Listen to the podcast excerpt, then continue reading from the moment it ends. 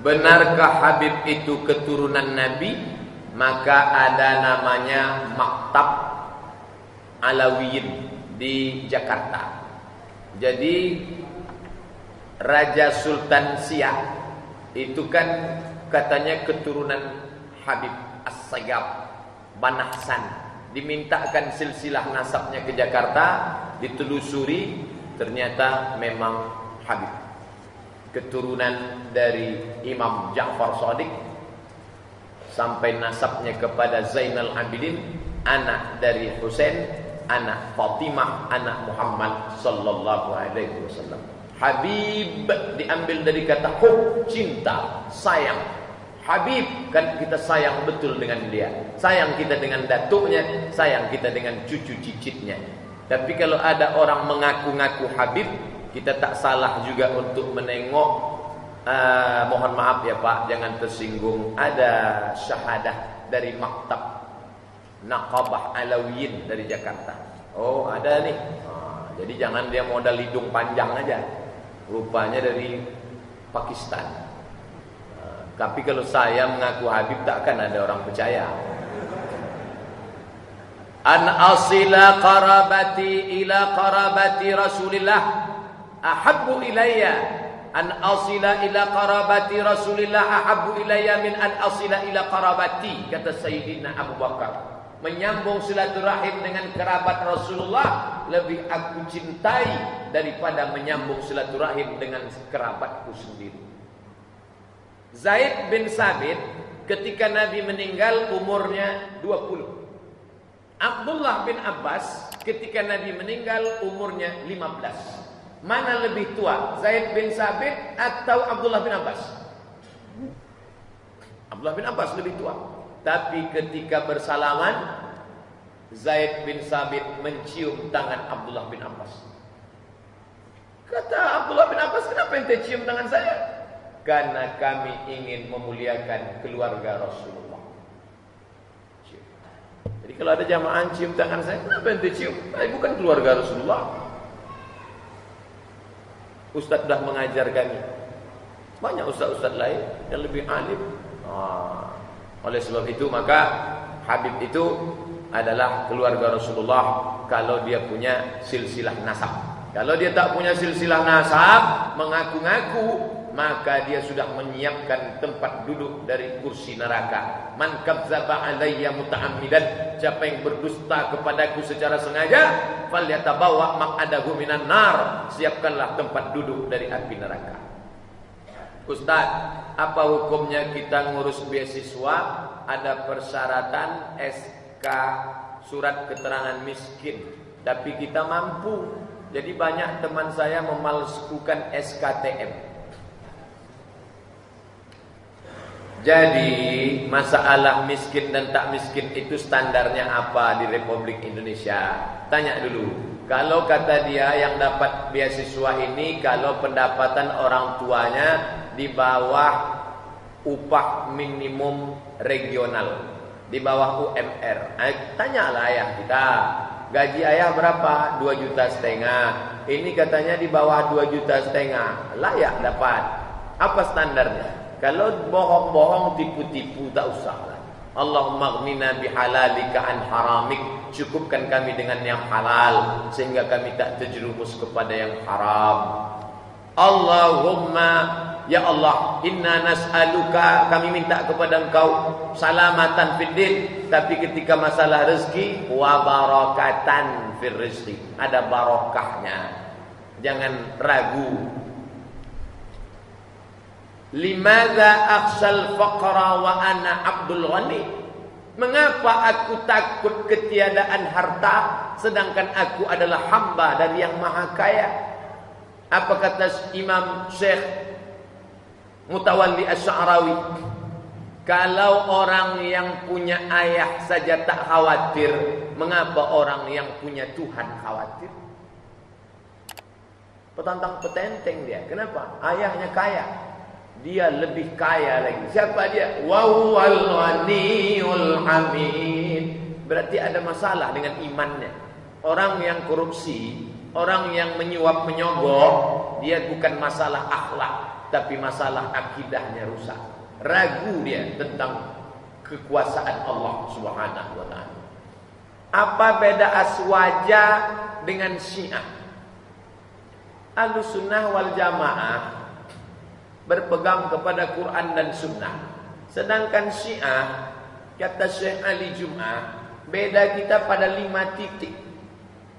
Titik yang pertama, kita mengatakan rukun iman itu enam. Antum billah wa malaikatihi wa kutubihi wa rusulihi wal yaumil akhir wa bi qadri khairihi wa syarrihi. Dia tidak wajib beriman kepada imam 12. Ali, meninggal Ali, Hasan, meninggal Hasan, Husain, meninggal Husain, Zainal Abidin, meninggal Zainal Abidin, Imam Ja'far Shadiq, meninggal Ja'far Shadiq, Imam Batir, sampai ke bawah. Siapa yang tak percaya kepada imam yang 12 kafir halal darahnya. Situ letak persimpangan kita. Di mana letak simpangnya antara ahlu sunnah dengan syiah ini? Pada rukun iman. Dua, masalah Quran. Kita mengatakan Quran itu asli. Dia mengatakan Quran itu sudah diobok-obok, diotak-atik oleh Abu Bakar dan Umar. Banyak nama-nama Ali yang dibuang dari situ kata dia.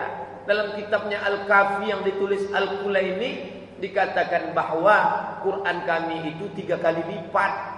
Sekarang sedang dipegang oleh Imam Al-Qaib. Dia nanti turun. Tapi sementara imam itu bawa Quran yang asli, pakai aja yang palsu ini dulu. Tiga, dia memaki-maki sahabat Nabi. Kita mengatakan Abu Bakrin Siddiq radhiyallahu an. Dia menyebut Abu Bakar Siddiq laknatullah alaih. Maka kata Syekh Yusuf Qardawi, aku tak bisa duduk sama mereka. Kenapa? Aku mengatakan Umar radhiyallahu an, Utsman radhiyallahu an, dia duduk di sebelah Abu Bakar laknatullah alaih. Umar laknatullah alaih. Mana bisa kita duduk sama dia? Kalau ada orang ahlu sunnah bisa duduk sama syiah, dua kemungkinan. Pertama jahil, kedua pokak. Empat, mereka menjadikan nikah kontrak sebagai akidah. Mut'ah. Al-mut'atu dini wa dinu abai. Nikah mut'ah itu adalah agamaku dan agama bapak moyangku. Siapa yang tak meyakini nikah kontrak, maka dia bukan bagian dari kami kata dia. Nikah kontrak ini bahaya. Itu sama dengan legalisasi prostitusi. Penyebaran virus HIV AIDS. Berapa banyak perempuan-perempuan yang disangka solehah, jilbab panjang, tapi kena penyakit kelamin karena gonta-ganti flash disk. Lima, apa dia? Mereka memakai taqiyah. Taqiyah itu adalah kalau kebetulan di sini banyak orang NU, kamu apa? Saya NU. Banyak Muhammadiyah, saya Muhammadiyah. Kamu Sunni ya? Ya saya Sunni. Lama-lama saya Susi. Sunni Syi'i. Gabungan antara dua. Nah ini letak persimpangan kita. Ingat yang lima. Jadi kalau ada yang nanya, di mana letak persimpangan kita dengan Syiah? Ada lima kata Ustaz kemarin. Apa dia? Itulah tak perlu aku ingat tahap. Bagaimana solusi supaya lepas dari riba? Jangan minjam. Allah Ustaz Somad tu pandai ceramah aja tuh. Ustaz selama pulang dari pekan dari Mesir, dari Kairo, dari Maroko pulang ke Pekanbaru Ramadan 2008. Sampai sekarang pernah tak minjam duit riba? Tak pernah. Jadi Ustaz beli mobil duit dari mana? Saya pinjaman tanpa bunga. Di mana? Amak Bank. Amak Ambo. Mak, aku mau beli mobil nih. Jual gelang mak nih. Iyalah.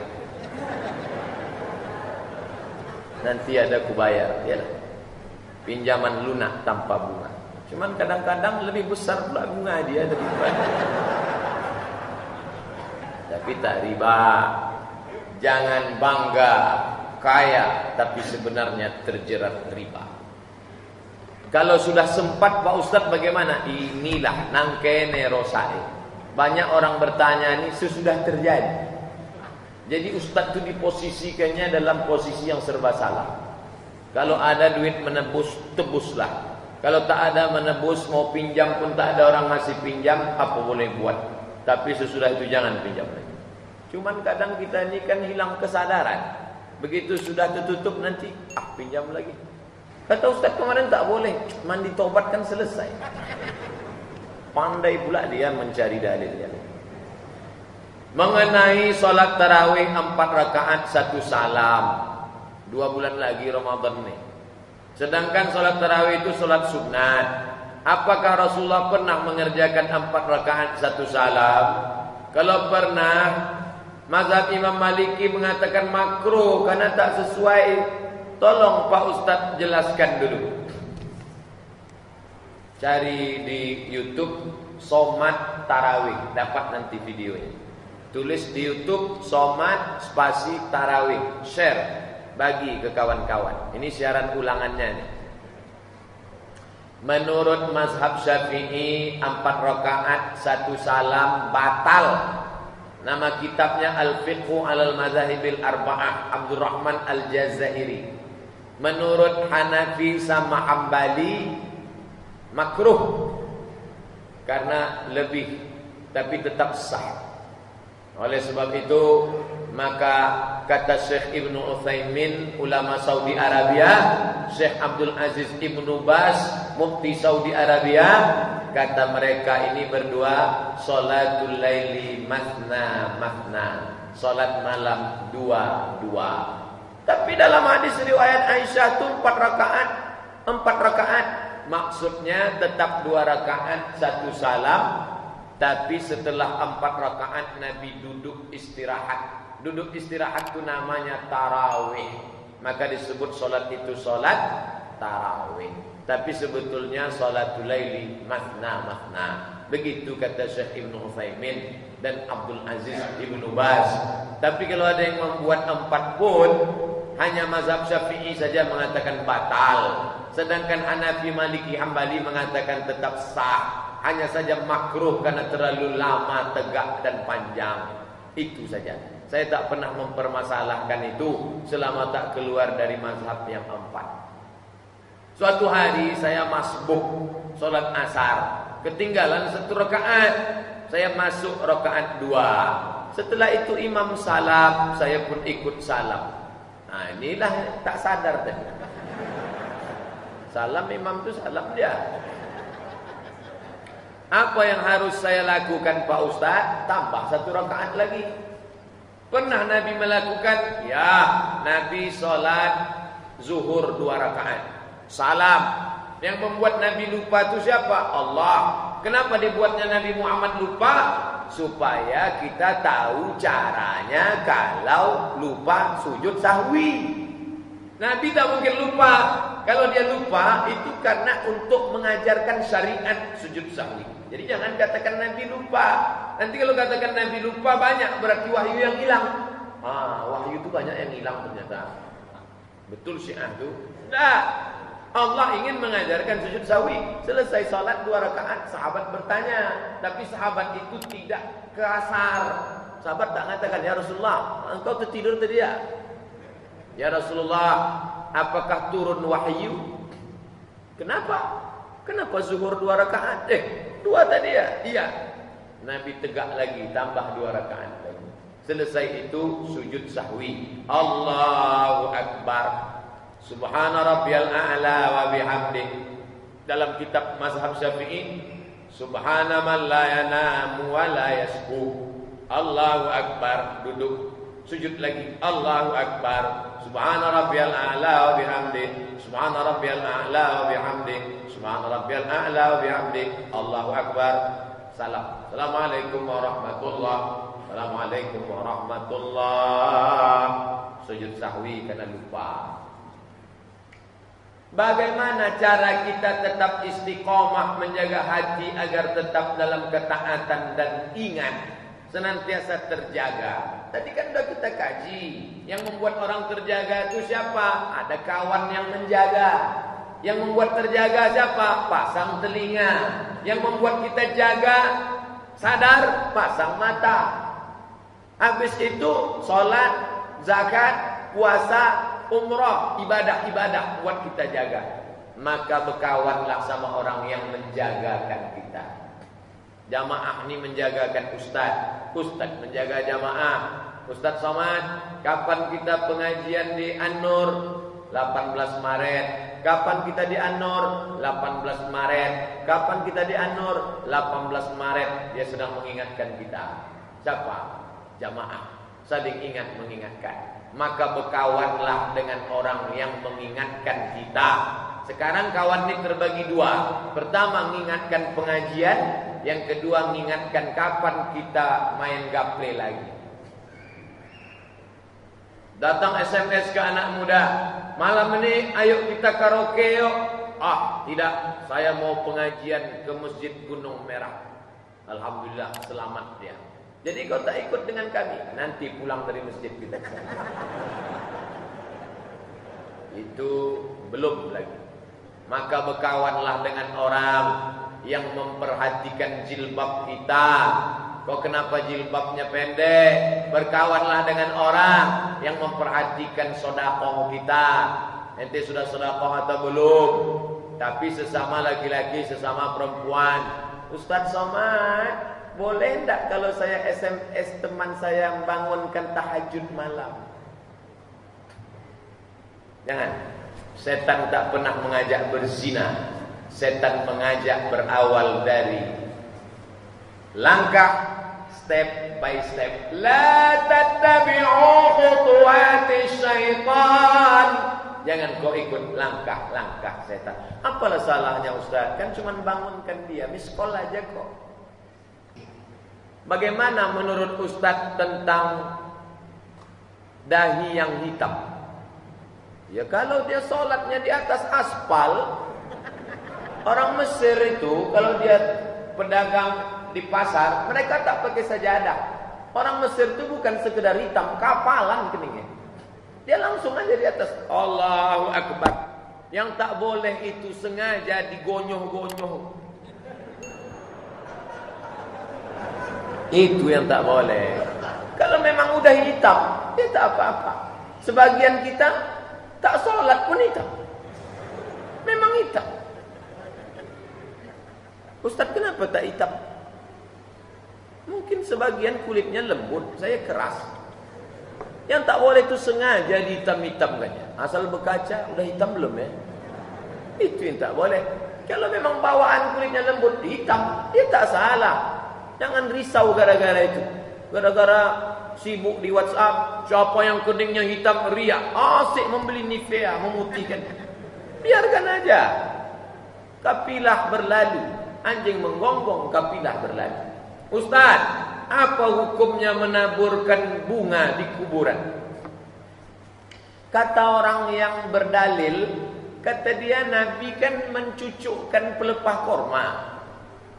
Kenapa Nabi menusukkan pelepah korma? Karena pelepah korma itu bertasbih. Maka dikiaskannya dengan pelepah korma.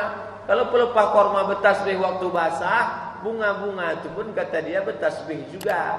Bagi yang menolak dia tak mau pakai kias. Pokoknya pelepah. Pelepah apa? Pelepah korma. Sawit tak bisa. Harus korma. Dia tak terima kias. Orang ni pakai kias. Yang tak boleh itu dia buat ajaran baru. Siapa yang menyiramkan bunga tujuh macam, maka akan datang tujuh malaikat, turun tujuh rahmat selama tujuh hari. Bid'ah mungkarah balalah. Ustaz sendiri bagaimana? Kalau saya mati nanti tak usah siram-siramkan itu. Adapun menyiramkan air dilakukan Nabi. Selesai menguburkan anaknya namanya Ibrahim, anak laki-laki dia disiramnya air. Apa guna menyiramkan air di makam itu? Supaya tanahnya padat.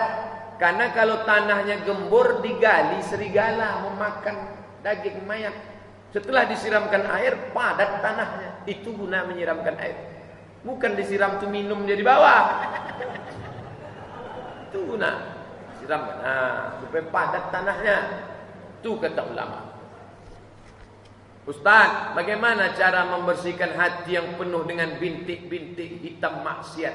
Apakah ada zikir dan doa khusus? Istighfar. Kalla balrana ada satu titik hitam ala qulubihim dalam hati mereka. Astagfirullah. Astagfirullah. Ada istighfarnya pelan. Ada cepat. Ada model menyanyi Astaghfirullah Rabbal baraya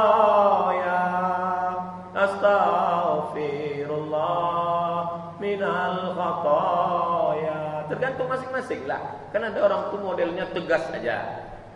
Orang Batak tegas. Astaghfirullah Astaghfirullah Astaghfirullah. Orang Jawa pakai lagu Astaghfirullah. Macam-macam. Kamu maunya yang mana? Yang penting kita beristighfar karena Allah. Sekarang banyak orang istighfar karena orang. Kalau orang banyak baru dia istighfar. Tak ada orang kiri kanan pun